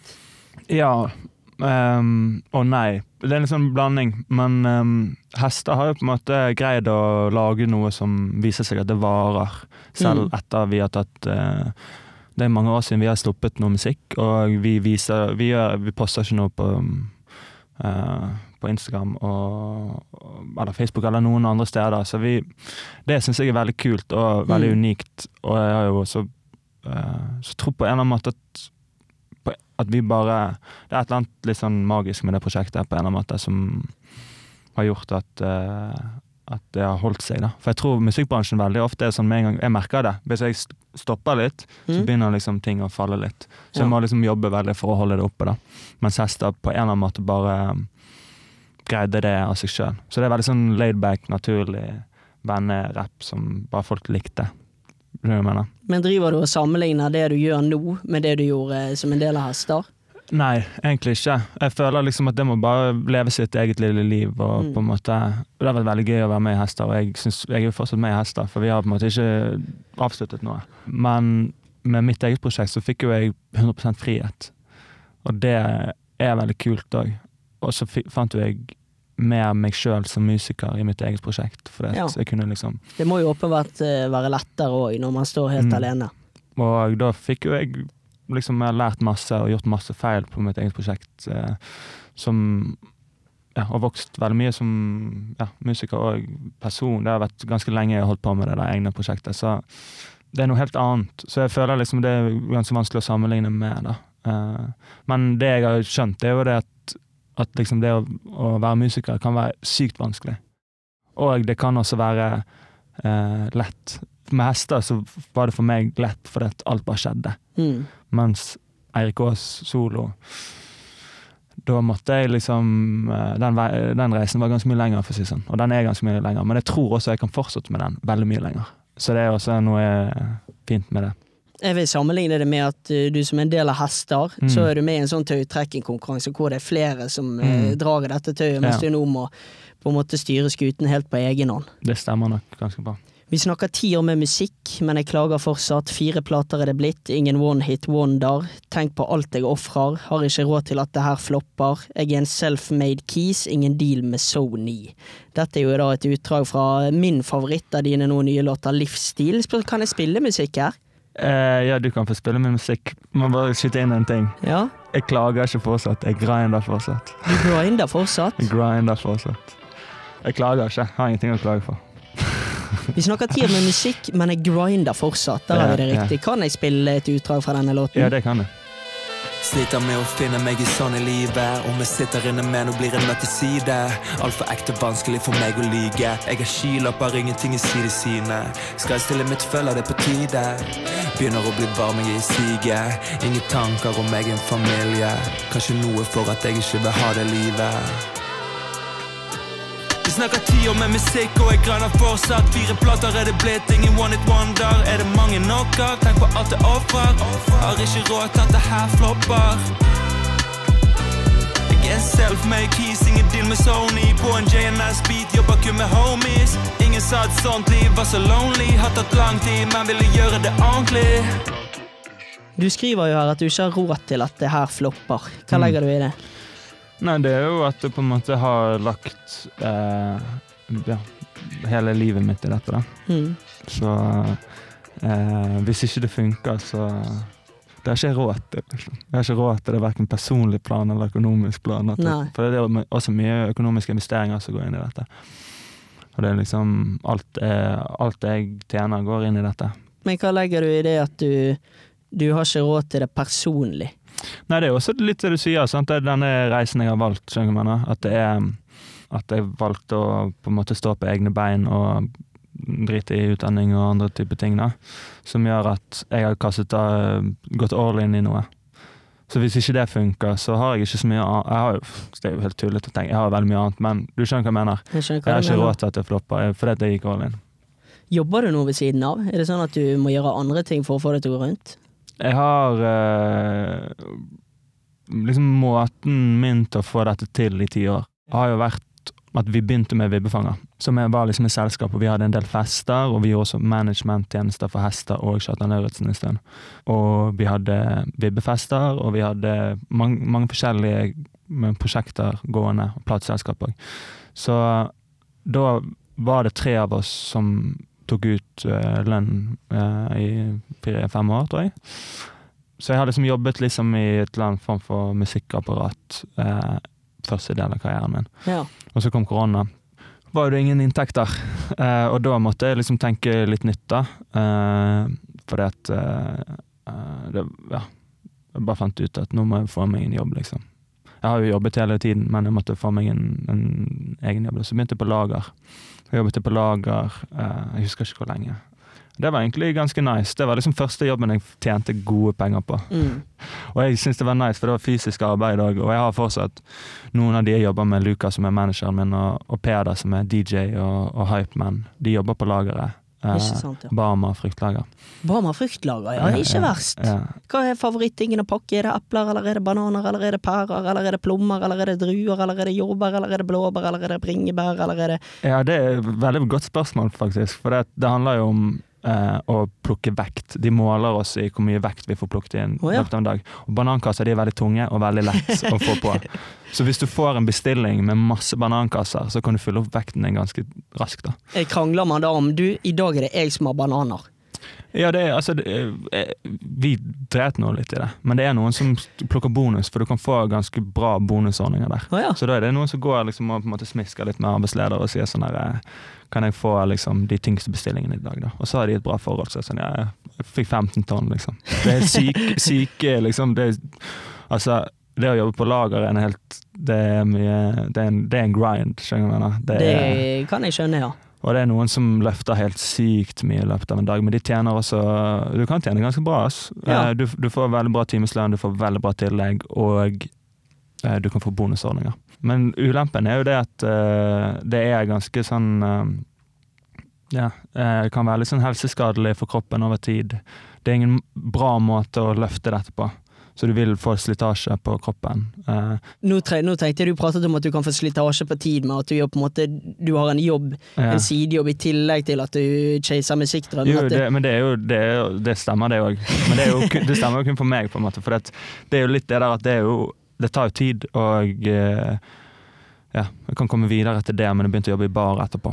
Og da Det Det er ingen det. musikere Det finnes ikke en musiker eh, som ikke har jobbet i bar i tillegg. Det, det, finn en musiker til meg, Eirik, som noen gang eh, ikke har stått litt i bar i tillegg til å spinne plater. Det, det fins Nei, ikke. det fins ikke. I hvert fall ikke i Bergen. Nei. Alle har jobbet på det er, Alle på legal, de er på Mm. vei til å bryte igjennom. Ja, ja, ja, Vet du hva jeg syns er veldig interessant med deg? Mm. du fremstår for, for meg som en som er litt ærlig på det at du vil nå eh, du vil nå lengre, du vil gjøre det større. Av og til føler jeg at musikere er litt sånn De er litt forsiktige med å si det, for det kan bli tomme ord. De Mm. vet ikke om eh, karrieren plutselig vil stige, da, men da er de litt mer forsiktige med å gå ut med det. Mm. Mens du er mer sånn åpen om at du vil få det enda bedre til, og du er ganske sikker på at det kommer til å skje òg. Ja. ja. Eh, det tror jeg ja, stemmer. Sikkert har- vanskelig å bli satt på det spot på den, Nei men da, men jeg har, det er noe som endrer seg over tid òg, på en måte. Jeg tror jeg var veldig forsiktig med å si hva jeg hadde lyst til ja. før, og nå er jeg sånn Jeg baserer ikke ulempen med å gjøre det, og jeg føler også på en måte, at samfunnet og Er ikke det janteloven som Jo da, det er sikkert litt av det inni der òg. på, på en eller annen måte at, eh, at eh, jeg tror at eh, det å ha ambisjoner og sånn er liksom ikke så Det er lov til å si at du har det. Jeg skjønner ikke hvorfor det skal være noe du holder for deg sjøl. Men det er jo en fallhøyde her, da. Det er jo en fallhøyde hvis det ikke går. Det gjelder jo litt for det jeg driver med. Det er jo, det er jo skummelt Ja. å si det. Ja, ja. Det er i det, men altså Det er jo ikke så nøye, på en måte. Nei. Eller, det ikke, og og det, var, det er en ting jeg har tenkt på, som jeg hørte um, Jeg tror det var Karpe som sa det. Det var en annen podkast Ja. med Chirag. Så sa han at uh, det er jo Norge. Så det er jo på en måte gal Hvis, hvis de taper alt, da, på en måte, Mm. så de, jo- lever de fortsatt i et veldig fint land med veldig mange fine ordninger og sånn. Og eh, jeg tror at jeg eh, På en eller annen måte så tenkte på det og tenkte sånn, ja, det, det stemmer jo det. At det er jo sånn worst case scenario er ikke worst case scenario. På en måte. Det er ganske best case scenario, egentlig. Det er begrenset hvor drit det egentlig kan gå, ja. Ja, og, og jeg, jeg tror også at på en måte jeg har liksom egenskaper som kan klare det bra i andre yrker òg. Men jeg er supersta, så det er det som er liksom Det at jeg vil ikke gjøre noe annet. Men hva er det som driver deg her? Hva er, det, hva er det med musikken som gjør at du er så glad i det? Er det det at å få oppmerksomhet for tingene du slipper? Er det det å jobbe med det? Er det det kreative? Hva er det du liker best med det? Jeg tror at uh, at uh, det er liksom den kreative lidenskapen må ligge i bunn. Ja. Men jeg merker jo det at jeg trenger liksom litt sånn Jeg tror det er veldig viktig for musikere, da, bare sånn generelt sett, det å på et eller annet tidspunkt få litt bekreftelse fra noen. Mm. Om det er vennene dine, eller om det er du legger ut en spot, uh, låt på liksom Soundcloud eller Spotify, eller at du får noen som sier at dette er fett. Det tror jeg er superviktig. Uh, så jeg tror for min del så er det liksom den bekreftelsen, den trenger jeg. Men, men i bunn så er, ligger det liksom en, eh, en liksom genuin eh, lidenskap for musikk, da. Alle som driver med noe kreativt, de kan jo få mye positiv eh, respons da, hvis de Mm. gjør det noenlunde bra. Mm. Og det er, føler jeg at kanskje ikke er helt sannheten alltid. Har du den vennen eller eh, den Mm. fetteren som du spør for, som kan si til deg Nei, du, jeg syns faktisk at det ikke var så bra, eller at eh, jo, akkurat i dag skal du få skryt. Har du en sånn person? Ja, jeg, jeg har ikke alt Eller jeg tror folk var litt forsiktige med å si hva de mente før. Fordi at jeg tror jeg også var litt redd for å høre hat. eh, Liksom ikke Hat er feil ord. Det er noe som På internett så er det mye hat. Men, men liksom det er kritikken, da. Eh, Jeg tror jeg var litt redd for å få kritikk, for jeg var redd for å på en måte Det er jo det at du, du får, kan få lavere selvtillit på det du holder på med, da. Ja. Men eh, så tror jeg etter hvert ble jeg liksom litt mer mottakelig for eh, kritikk, da. Og eh, nå har jeg på en måte samlet eh, sånn mer eller mindre Det har skjedd litt av seg sjøl, da. Men folk rundt meg som eh, Det er noen jeg sender musikk til, som eh, skriver hva som kan bli bedre. Okay. Og også sier at noe kanskje ikke er bra nok. Kanskje du må jobbe litt mer. Og da blir jeg først litt sånn I hodet mitt da, så blir jeg først litt sånn Get out of here! ja, det er, litt, det er litt det jeg tenker, men så tenker jo jeg det at dette her er Kanskje de har rett, og stort sett så har de rett. Og da har jeg fått eh, veldig mye ut av å bare Faen, jeg må bare jobbe litt mer på denne, og så blir det bra til slutt. Jeg tror det der er veldig lurt å ha en eller to, uansett hva du driver med, en som kan Mm. gi deg en, en, en sannhet, på en måte. da. Mm. Men så er det jo eh, Jeg òg har litt den der at eh, det, Jeg syns nå det var dritbra, og så tenker du litt mer på det, og så innser Mm. du at ja, ok, kanskje vi, kanskje vi trykker record en gang til, og så ser vi hvor det lander. Akkurat. Ja ja. Dette er bra, det. Mm. Dette er veldig bra. Det ikke, det, dette syns jeg er bra, altså. Ja. Dette syns jeg er bra.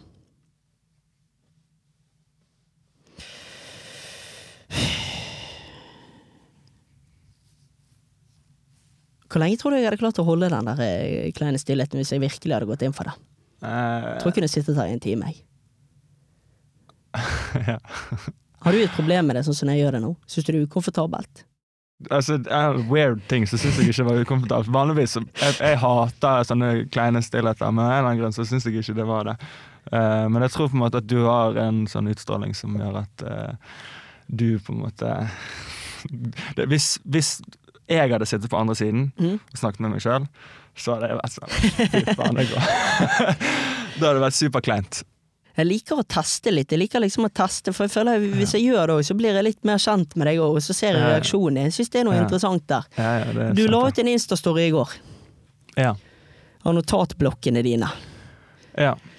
Og der fikk jeg en sånn helt old school eh, over det. Du skriver da for hånd, åpenbart, når du skriver linjer, og du linet det opp. Mm. Det er òg en ganske fet story for deg å legge ut. Her er på en måte Mm. mine tre notatbøker med med skissene mine, hvor jeg har eh, Ja, det er litt sånn her eh, Eight Mile, Ja, ja, sitter på bussen, skriver. Er Det- du en eh, vintage-fyr?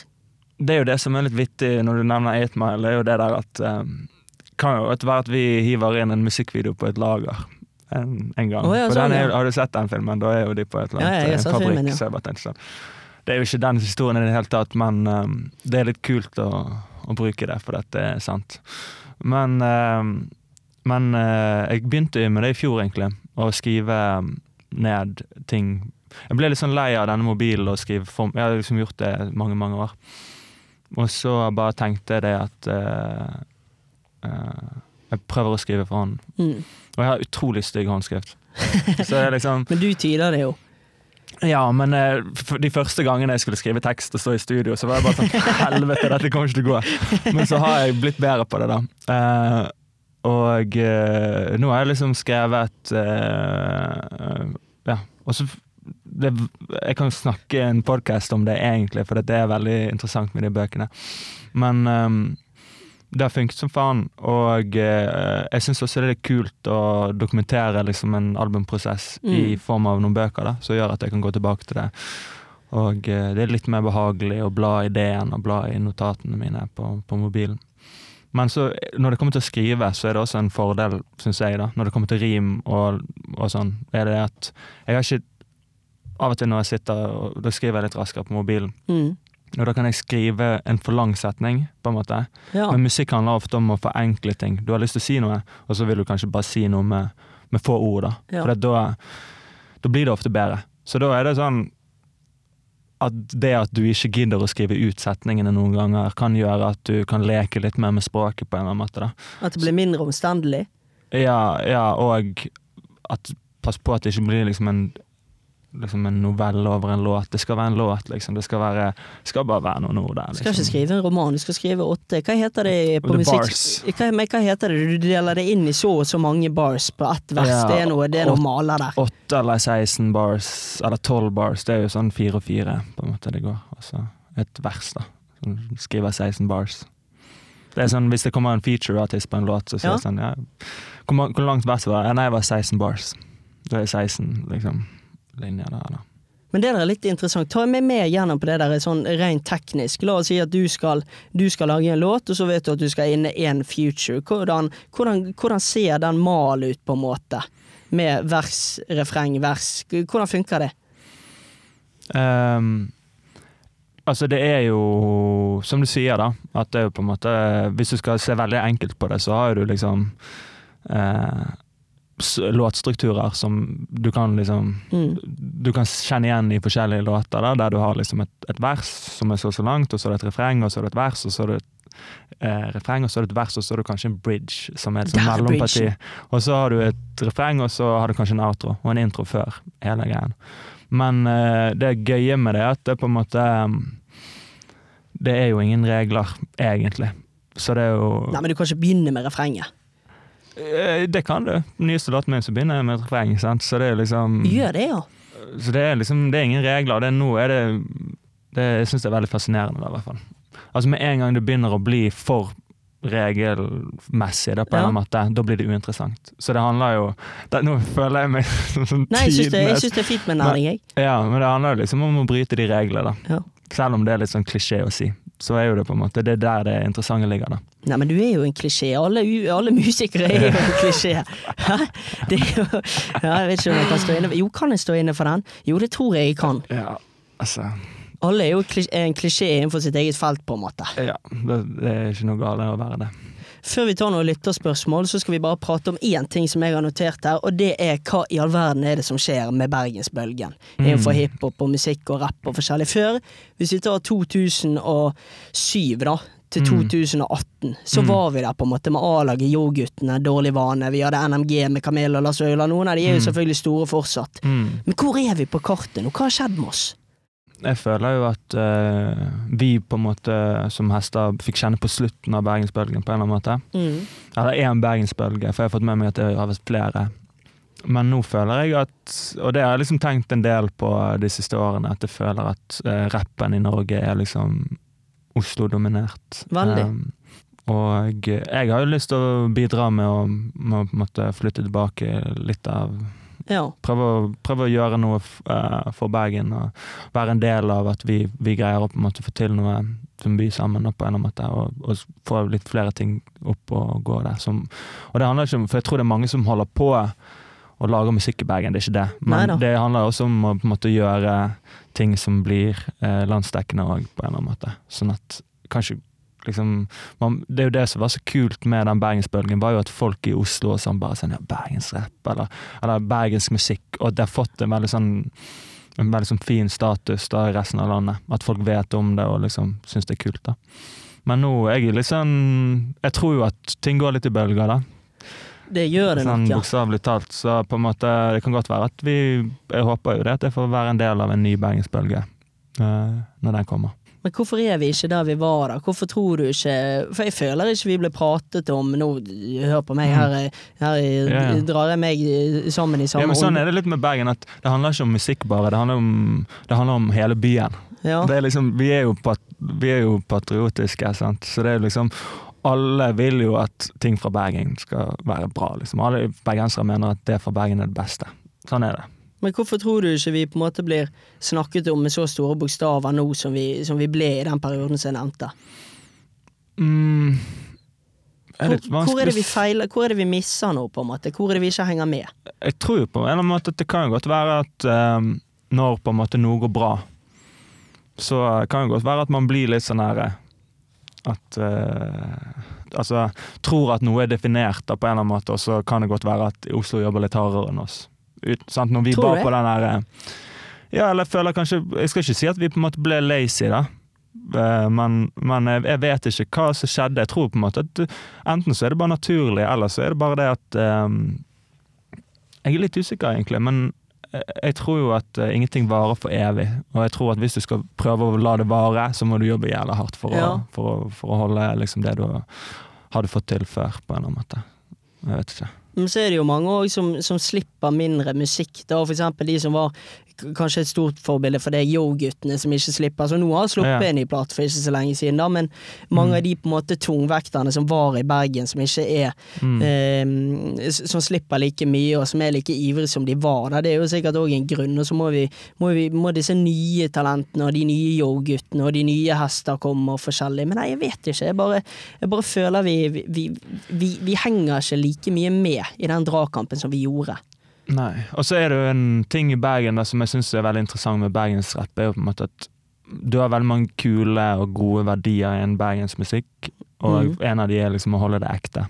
Og noen ganger så har jeg tenkt mye på det å på en måte holde det ekte, og holde det for ekte. Skjønner du hva jeg mener? Ja. At det er liksom Du, du vil jo på en måte prøve noen altså Skjønner du hva jeg mener? At den er litt sånn Du vil ikke prøve for hardt, på en måte. Nei. Eh, Men hvis ikke du prøver for hardt, så kan det godt være at du ikke prøver nok i det hele tatt, på en eller annen måte. Fordi at det ikke er innafor å bryte litt ut av det der holde ekte-stempelet. At vi holder det for ekte. Uh, ja, kanskje. Og jeg føler jo av og til så er det sånn Av og til så uh, Og det er jo Jeg har ikke lyst til å bruke noen andre eksempel. Jeg kan bruke meg sjøl som et eksempel. At på en måte at, at av og til så må jeg eh, gjøre noe for å få musikken min til å nå ut som Mm. jeg kanskje Eller liksom, skjønner du hva jeg mener? At hvis bare det hadde vært å legge ut låten, og den hadde gått, så eh, Hvis det hadde vært nok, så kan det godt være at jeg hadde gjort det, men av og så må jeg gjøre masse, prøve å få til andre ting. Til å bygge liksom noe litt større enn bare den låten. da. Så jeg syns jo, jeg synes jo at bergensmusikk er det beste. Jeg tror jeg gjør det, altså. og jeg syns liksom Av og til liksom når jeg føler at jeg begynner å på en måte skli litt ut med og liksom begynner å miste litt sånn her bakkekontakter på en eller annen måte, så kommer jeg alltid tilbake til bergensmusikken, og så hører jeg på ting som på en måte har formet meg som person, Mm. og eh, er grønn for at jeg begynte med dette i, i utgangspunktet. Det er det jeg syns er det kuleste. Eh, og jeg har mange Alle mine liksom hiphop-helter kommer fra Bergen, liksom. Og jeg er superinspirert av folk fra Oslo, jeg syns det er mange som er dritfete, men liksom sånn genuint, liksom. Grunnen for at jeg begynte med dette, er liksom de rapperne i Bergen som, som var før, da. Hvem er det som spesifikt har inspirert deg mest, da? Jeg husker veldig godt at jeg var på i tiende klasse, så Jeg var sikkert ikke tiende, syvende kanskje. Eh, Åttende. Jeg vet ikke. Jeg var på Las Vaular-konserter, sånn her eh, kulturelle skolesekken i Grieghallen. Ja, ja. Og da hadde liksom hørt noe liksom bergensk rapp fra ÅSN og sånn. Du vet, det var noen på Facebook som alltid rappet, men jeg syns ikke det var noe fett. Men, men han slo gjennom, sant. Da fikk jeg en sånn åpenbaring om at dette her var helt sykt fett, på en måte. Og jeg, eh, jeg trodde Jeg, jeg var liksom litt sånn her eh, ignorant i den forstand at jeg mente at liksom ingen norske rappere var kule, da. Og så hørte jeg det, og så tenkte jeg sånn fy faen, dette er, er grovt, liksom. Eh, så gikk jeg hjem, og så fikk jeg tak i platen hennes Helt om natten, helt om dagen, som Ja, ja. jeg mener liksom fortsatt er en av liksom Super-Maria er min desidert favoritt, altså. Super-Maria, det var en klassisk En eneste. Wow. ja, ja, de låtene der, liksom. Og jeg mener liksom det er fortsatt noe av det beste. Og det var liksom starten for meg på liksom bergensmusikk, da. Og så var liksom de feteste på skolen, de likte A-laget. Så jeg visste at A-laget var fett, liksom. Mm. Men det tok litt lengre tid for meg til å liksom skjønne hvor fett det var. Og nå Dette er legender, liksom. Skjønner du hva jeg mener? Ja, ja. Men uh, Og så uh, tror jeg det var viktig for meg og de andre i hester, eksempel David og sånn, vi bondet oss over liksom andre rappere enn NMG, som Mm. er liksom noen som heter og en som heter Action Man og Verk, ja. og litt sånn forskjellige andre rappere da, som ikke var NMG, men som også var liksom for meg legender i byen. da.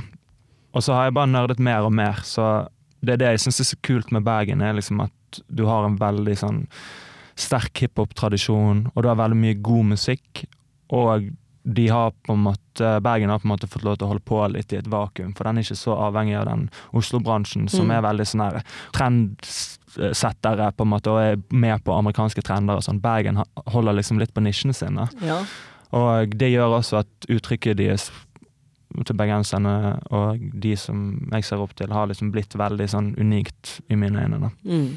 Jeg tenker mye på å holde det ekte, for jeg mener at Så det er der jeg føler liksom at det er veldig viktig å gjøre. Det er en, en av de tingene som for eksempel NMG alltid har sagt liksom, i låtene. De er sånn som hold det ekte. Og jeg Mm. bare tenkte at det var en kul ting å si, men jeg mener det er en skikkelig bra ting å si òg, på en måte. For det at Du skal ikke glemme hvor du er fra. Nei, nei sant. At ja, de vet hvem de er, på en måte, og de er liksom trygge i det. da. Uh, og eh, de gjør kanskje ikke ting som er ikke de, på en måte. Så jeg, jeg føler det er mye sånn Og jeg syns det er veldig kult med rappmusikk generelt sett. Det er liksom det der innholdet på en eller annen måte, at du kan på en måte du, det, er, det er liksom som en gutt da, som hører på rappmusikk, så kan du liksom bli formet ganske mye som person av å høre Ja, ja. på disse tingene. liksom. For de, har, de sier noe og prøver å si noe. Så det er liksom jeg synes det Og jeg blir fortsatt eh, imponert av liksom, når jeg dykker dypere i liksom, hiphop som et felt, da, på en eller annen måte, og så hører jeg noe, noen amerikanske rappere sa bare sånn Wow, det er så sykt å si, liksom. Nei, vi nerder nå, og vi, ja, vi Ja. diskuterer jo ikke, men vi prater litt. Og jeg vil bare legge til grunn det at jeg har aldri sluppet en eneste låt. Eh, Mm. jeg er ikke noen musikkekspert, så de fra uh, musikk i Bergen som kanskje tar seg nær over den synsingen her, de får bare ta seg nær. Men uh, det er nå bare løs prat hvor vi prøver å kanskje finne et argument her og der. Men jeg vet ikke. Men hvis jeg ser på, hvis jeg ser på papiret, da, for eksempel på Mm. artister som Lars Vaular og Kamel, da, som jeg føler har kanskje vært litt mer med på en sånn Oslo-bølge og den større utviklingen, så tror jeg på en måte òg det er en litt grunn til at de fortsatt er veldig relevante, da, de som begynte på det å holde det ekte, da, med noe som er med over på Oslo-siden, og, som- og som gjør andre ting enn å bare spytte linjer, da. Mm. Jeg vet ikke, altså de har jo på en måte definitivt Og Kamelen og, og Lars Vaular er jo på en måte definitivt de største rapperne fra Bergen. Det er nok det. Og ehm, de har jo på en eller annen måte uh, funnet ut hvordan de skal uh, tjene gode penger på det. Mm. Um, og, eh, og kjempeflinke, og um, jeg vet ikke, jeg, og det er kanskje litt det der um, Det samme som uh, uh, jeg òg tenker på nå, er jo det at jeg må, hvis jeg skal være en person jeg, du skal kunne regne med i hiphop-Norge de Mm. neste 10-15 årene, så må jeg også finne en måte å tjene penger på dette. Ja. Det er vel det, på en måte. Nei, jeg syns det er veldig interessant. Jeg synes det er veldig interessant. Jeg vet ikke. Sitter det nå noen, tror du, på i et studio i Bergen det er ikke sikkert de hører på i det hele tatt, men tror du for eksempel hvis Girson hadde hørt en del her, da tror du han hadde bare ristet på hodet og eh, du er helt på, eh, på Nå sporer du helt av, du har ikke peiling på hva du prater om. Eh, Det kan være, liksom, men poenget er at i bunn og grunn så har jeg på en måte mer kjærlighet til liksom de, og, og Girsen er også en person som lever av musikk, liksom. Ja, ja. Han, han jobber med kultur fulltid, liksom. Og um, Det er noe, det er, jeg kan ikke komme på noen som har gjort mer for, Nei, for musikk i Bergen enn han. Ja, ja. Så, så det er liksom um, uh, Jeg husker det er litt sånn vittig, for at uh, av og til så Poenget er at eh, av og til så sier no, kommer noe du sier i et intervju i en sånn Ja, ja. setting som dette, det kommer feil ut, sant. Men man kan alltid prate om ting, og så eh, Poenget er at hvis det, hvis det bunner i respekt og kjærlighet, så er det liksom Så er det aldri noe problem, tenker jeg, da.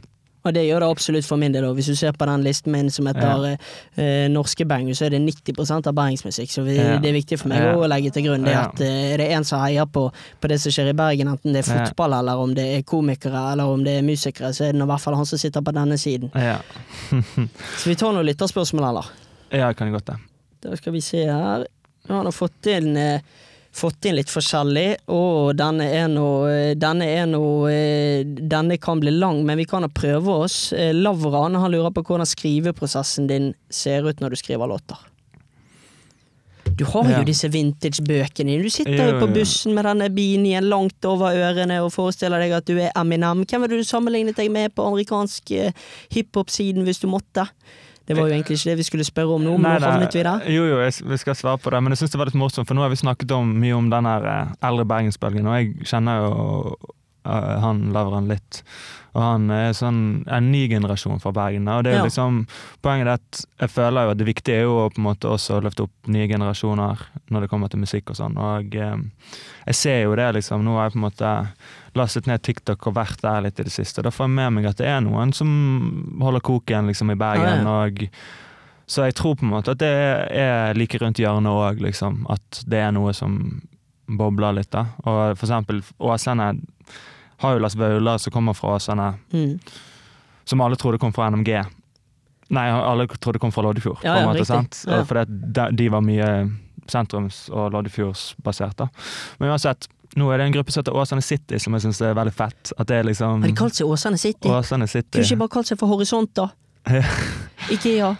Men det syns jeg er så sykt fett at de liksom representerer stedet de kommer fra, og, og liksom og fronter det, liksom. Og, og jeg syns det de holder på med, eh, er veldig kult. Så jeg syns det at det er mange nye rappere i, i Bergen som holder på, og det lover godt, da.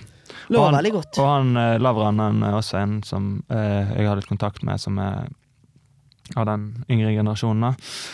Men eh, ja, hva var det han spurte om? Det var skriveprosess. Skriveprosessen. Det er, går mye ut på på en måte Skriver kanskje en setning ned her og der på bussen og prøver å liksom holde, holde det litt varmt, da. Og så er det å eh, eh, høre på mye annet musikk og ta inspirasjon fra det, og, og ta inspirasjon fra mitt eget liv. Og jeg i studio, og så finner jeg en beat, og så Noen ganger så skriver jeg det der og da, eller så kommer jeg med eh, noe som passer over en beat. Det, det er det som er så interessant med det, at det er liksom litt eh, forskjellig fra gang til gang. Liksom. ja. Men eh, ja, jeg vet ikke om det svarte på spørsmålet. Jo, det svarte veldig godt. det. Peder Lie han lurer på hvordan det var å gå fra å være rapper i Bergen til rapper i Oslo. Vi må jo på en måte si at du fortsatt er en bergensrapper, men du bor i Oslo. Ja, eh, Peder er jo en jeg spiller med, eh, så han er en av de personene jeg har møtt i Oslo. Så det var liksom, når jeg kom til Oslo, så bodde jeg i Oslo litt og var veldig bergensbasert, og så fant jeg ut at hvis jeg skal by, bo i denne byen liksom holde på med dette, så må jeg også møte noen folk her som holder på med det samme. Ja. Og da uh, møtte jeg rapperen Augustus, uh, Ja, hvis ja. du vet hvem det er. Og uh, Hvor mye olje er det han har i håret for å få det til å sitte sånn, vet du det? Nei, jeg tror, jeg tror på en måte at uh, han sa en gang til meg at han bare gikk med en sykkel igjen. Da, skjønner du? For å få det til å klistre seg så godt. Men jeg vet ikke. Han, det er liksom, den sveisen, eh, det er han, liksom. Han, er, han har alltid rocket den. Du sier det, jeg skifter jo sveiser hele tiden. Du har hatt liksom. litt sveiser, ja. Men han har alltid rocket den, liksom. Han, så det er kult. Men, eh, så de møtte jeg, da. Og det har jo veldig mye å si å møte noen som holder på med, med det samme, hvis, du, Mm. hvis du flytter by. For at jeg eh, holder veldig god kontakt med de som jeg har blitt kjent med i Bergen. Men det ja, gjør det mye mer gøy for meg å, å ha folk jeg kan spare med og jobbe med i Oslo også. Så eh, overgangen er vel det at uh, etter hvert så har jeg tatt uh, Jeg reiser fortsatt til Bergen, men første tiden så basically levde jeg i Bergen. Mm. Og jeg hadde en leilighet i Oslo, på en måte. Da sant, jeg gikk ja. ut på byen i Bergen. Jeg over, var i studio, og gjorde liksom alt i Bergen, liksom. Og, og så dro jeg til Bergen fucking hele tiden, så nå har det blitt litt færre sånn bergensbesøk. Ja. Så nå blir det mer det at jeg kan ikke glemme familien min, kompisen min i Bergen. Og jeg har også folk jeg jobber med i Bergen, men det blir liksom litt mer den istedenfor at, at det ikke er sånn at jeg lever livet mitt i Bergen, men så står det Oslo på papiret, liksom. Nesten litt sånn hysj, ikke, ikke si det til noen, men jeg bor faktisk, jeg har en leilighet i Oslo. Ja, ja, ja. Du kan jo sammenligne meg og deg litt. Grann. Jeg har jo på en måte Mm. Etter jeg var ferdig å studere eh, TV-produksjon som fancy studenter på universitetet, så flyttet Mm. jo jeg jo til Oslo fordi at her er jobbmarkedet større. Det, Mm. det er flere det er folk å prate med. Det er jo Altså, det er jo, det er jo Akkurat nå er det jo mer som skjer på, ser jeg for meg, på musikkfronten i Oslo enn det er i Bergen òg. Mm. Det er jo flere folk å prate med her og gjøre samarbeid med, er det ikke det? da? Ja, jeg tror på en måte at jeg Ja. eh, Magefølelsen min sa i hvert fall det at det er mange år siden, egentlig. eh, Fire-fem år siden. Og så var det en ekskjæreste som hadde lyst til å flytte til Oslo. Så det var liksom kombinasjon. eh, Men Men magefølelsen min sa jo det at dette kunne være lurt og interessant for meg for å få meg videre på, på det jeg hadde lyst til å gjøre. Ja.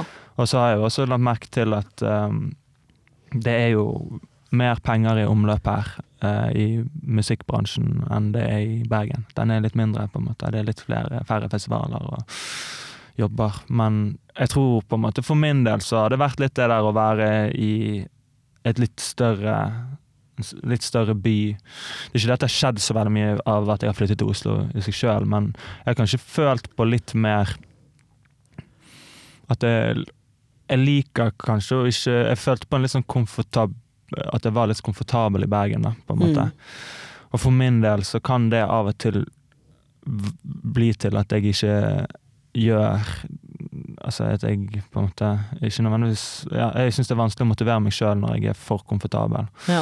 Så det å være til Oslo og være liksom litt i nye omgivelser og bare sånn herre Faen, ass. eh, Jeg har ikke så mye som gående for meg sjøl som jeg trodde når jeg bodde i Bergen. Mm. Og, jeg, og folk her har ingen aning på hvem jeg er, liksom. Så det var litt sunt for meg, og ga meg et litt sånn ekstra gir.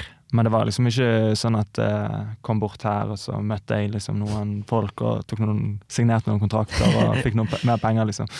Det gjorde det bare vanskeligere for meg å flytte til Oslo, men, men sånn kreativt sett så var det liksom riktig. Hagerup Håkon han gir deg en tøff en her. En, ja, det er jo kli, en klisjé av et spørsmål. Han lurer da på Kamel eller Lars Vaular. For meg så er det Lars Vaular. Begge to er på en måte legender, og eh, Kamel føler jeg liksom jeg, jeg trenger ikke Han bidro med noe nytt i bergensmusikken som aldri hadde blitt gjort før. på en Ja, ja. måte. Og han er på en helt egen ting, på en måte. Og Det samme med Lars Vaular, og Lars Vaular er en av de på en måte mest innovative rapperne som har gjort mest forskjellige prosjekter og gått veldig dypt i tekst og, og, og sånn. Så begge to er helt unike på sin måte, men den som på en måte står meg nærmest, og mitt uttrykk, og som jeg har på en måte eh, blitt mest inspirert av, er Lars Vaular. Så Ja. det er derfor jeg mener det. En ting jeg ville bare nevne for deg som jeg lurte på, Mm. som jeg har tenkt på en stund, det er jo det at jeg har lyst til å lage en lite streit anthem en gang. Mm. Og der har jeg en liten plan hvordan det skal se ut. Jeg skal jo da ha skal ha et uh, refreng, selvfølgelig. Der på refrenget så skal alle synge. Det skal være litt sånn Det skal være litt trøkk i det, ikke koring, på en måte, men det skal, det skal smelle litt på refrenget. Så da skal på en måte forskjellige toner og forskjellige stemmer De skal gå løs på refrenget. Du har jeg sett for meg skal ha et vers. Uh, Hazy vet jeg ikke ennå, men han skal ha et vers. Mm. Uh, Nado vet jeg heller ikke, men han skal jo da produsere. Og så er det mulig at vi òg skal ha med Fredrik Dome også for å få litt uh, et softere preg på det i ett av versene. Hvordan tror du, tror du det kunne skjedd? Er det sånn at hvis jeg kommer med en sånn henvendelse, at dere tenker han der, nei, det hadde ikke blitt stilig? Det er jo mange kule rappere på, på det. Nå vet du ikke om Skal du synge på han? Ja, jeg skal synge på han, ja. Ja, selvfølgelig. Eh, Så da må du nesten Det begynner jo litt sånn ofte med musikken, da, så du må på en måte vise hva hva ditt bidrag til er, og så, så tar man det litt derfra. Jo, men jeg skal jo men, bli hvis, men jeg tenker hvis låten er god, og hvis det er kult, så, så gjør man det, liksom. Man skal ikke tenke for mye over hva det er for noe. Jeg, Eh, jeg tenker jo her at dere skulle på en måte Jeg skal jo skrive det jeg tenker det skal jo, Låten skal jo på en måte handle om det å være streit eller lite streit. Det er jo, det er jo i den gaten vi skal være, og der, der ser jeg for Det er et bra låtkonsept. Ja, det er et bra låtkonsept, men så Mm. du sier det at det ligger litt hos meg, ja. At jeg må, at jeg må For jeg tenkte jo at dere skulle dra meg litt i gang der, at dere skulle bidra litt, at jeg skulle få lære litt. Vi kjørte en liten sånn reportasje, et eh, reportasjepreg i studio der. Eh, gode artister møtes, eh, prater synger, og så kommer jeg litt inn fra siden der, og, og så ser vi om jeg kan imponere, da. Det var litt min tanke. Jo, jo, det, det kunne nok funket, det òg. Og så er det ofte produsenten som på en måte gjør mye av arbeidet rundt at en låt blir laget. Det er det, Da det, sånn, Ha en beat, ha en person som kan trykke record og mikse vokaler til å låte litt greit ut, i hvert fall. Og, sånn da. Men hvis man putter mange eh, interessante folk inn i et rom, så får man alltid noe kult. Så det er liksom ikke noe problem, det. liksom. Så. Spørsmålet er jo om eh, Nardo er blitt for dyr for oss, eller for dyr for meg, til at dette kan realisere så mye som han lager eh, for Kamel. Det er jo det store spørsmålet her. Ja, han har jo laget mye stort. Det var egentlig dette jeg hadde, det, Eirik. Jeg føler meg egentlig ferdigpratet. Ja, ja. Det er flott. Er det noe vi har glemt her? Eh, nei, jeg føler jo på en måte at vi har styrt inn på mange kule ting, jeg. Uff, vi har styrt inn på mange ting. Eh, sikkert noen ting jeg egentlig ikke har kompetanse til å være med på, men vi har nå, vi har nå prøvd. Og det er jo bedre at du prater faglig musikk enn det jeg gjør, så eh, du har hjulpet meg litt på vei òg, det må vi kunne si. Men det, det er også litt sånn det, Med musikk Jeg er jo supernerd på musikk, men en av de kule tingene med musikk er at det på en måte Det er jo ikke et fag, på en måte. Det er liksom hva du velger og Mm. Jeg kan jo på en måte mye om musikk, men jeg kan ingenting om musikk òg, på en eller annen rar måte. For det, Ja, ja. det var det som var det interessant for meg. Det er ikke skole. Uh, det, det er en anglolinje, dette er ikke skole. Um, men um, Nei, at, uh, at det er liksom å finne sin egen vei litt i det, da. Og det er det som er det kule med det. Hvis du skjønner hva jeg mener? At eh, Ja. At eh, Ja. At det Du må liksom Det finnes ingen rett eller galt i det der. Og det er så stort, og det er så mange musikere som holder på med det, så det er ingen regler, da. Jeg syns det der var fine avsluttende ord. Jeg syntes egentlig du kunne stoppet før du spurte meg om jeg skjønner hva du mener. For det, det, det, det, Ja. Du skjønte hva jeg mente? Jeg skjønte absolutt hva Ja, du mente, og det var var- fint sagt. Ja, det var Vi tar den, vi. Ja. Nei, faen! Vi må, vi må jo konkludere om du er streit eller ei.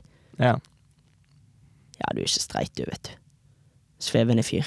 Uff, jeg er så dårlig på å konkludere, jeg merket at det har vært med det Uff, nå Jeg var, jeg var 100 sikker på at det, du kom til å konkludere meg som streit. Ja, samtidig så har du litt ting som eh, prater imot at du Altså, du skal jo ikke være lite streit kun fordi du lager musikk og er rapper, men samtidig så er du jo Du har eh, da familie som hjelper deg, du har system i tingene, du sier du er en av de mest eh, systematiserte og musikerne som planlegger litt. Det er jo klart det er jo litt ting som prater imot, men jeg tror jeg Jeg tror jeg lander på at du er lite streit med tanke på dette her med at du, du gir deg ikke. Du ser for deg en vei, Ja. og den, eh, den veien, der sitter du eh, i din eh, Rav 4 som du har leid opp av Avis, og tror fortsatt at eh, Ja. du er en mann for denne bransjen. Jeg tror det. Ja. Jeg tror vi er legger kult. det der. Det er kult. Det er kult. Jeg er fornøyd, jeg. Ja, perfekt.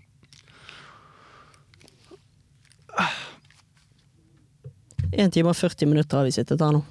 Ja, ikke det perfekt, da? Jo. Nei, det er kult. Jeg tenkte jo på det i går. Jeg lurte på hva det der eh, Om jeg kom til å bli streit eller ikke, på en måte. Og sånn Ja. jeg ser på det, for dette er jo eh, det er jo et veldig interessant spørsmål om man er streit eller ikke. Og hva man sjøl føler seg for. Men um, det var jo uh, uh, For jeg tror hvis du hadde spurt de andre rapperne i Hester, Ja. så tror jeg de hadde sagt at jeg er streit som faen. Skjønner du det? Men hvis du hadde spurt vennene mine fra Eidsvåg, så tror jeg de hadde sagt ikke faen. Skjønner du hva jeg mener? Det er helt Nei. forskjellig liksom, fra hvem du spør. Så jeg tror på en måte sammenligningsgrunnlaget er på en måte Jeg kjenner noen som er lite streit, for å si sånn. Ja, Og jeg kjenner noen som er streit. Så jeg vet ikke. Et eller annet sted mellom det. Det kan hende jeg lar akkurat den lyden der bare bli med i outroen her. At, eh, for den likte jeg. Og så er det litt kult også, nå når vi egentlig er ferdige å prate, men så hører du lyden litt mer på avstand, som at det er litt sånn off-rec. Det er litt sånn kul vri på det. Litt meta. Nei, jeg syns det er så vanskelig å konkludere. Men nå har jeg glemt det helt når vi har sittet og pratet òg. Lite streit.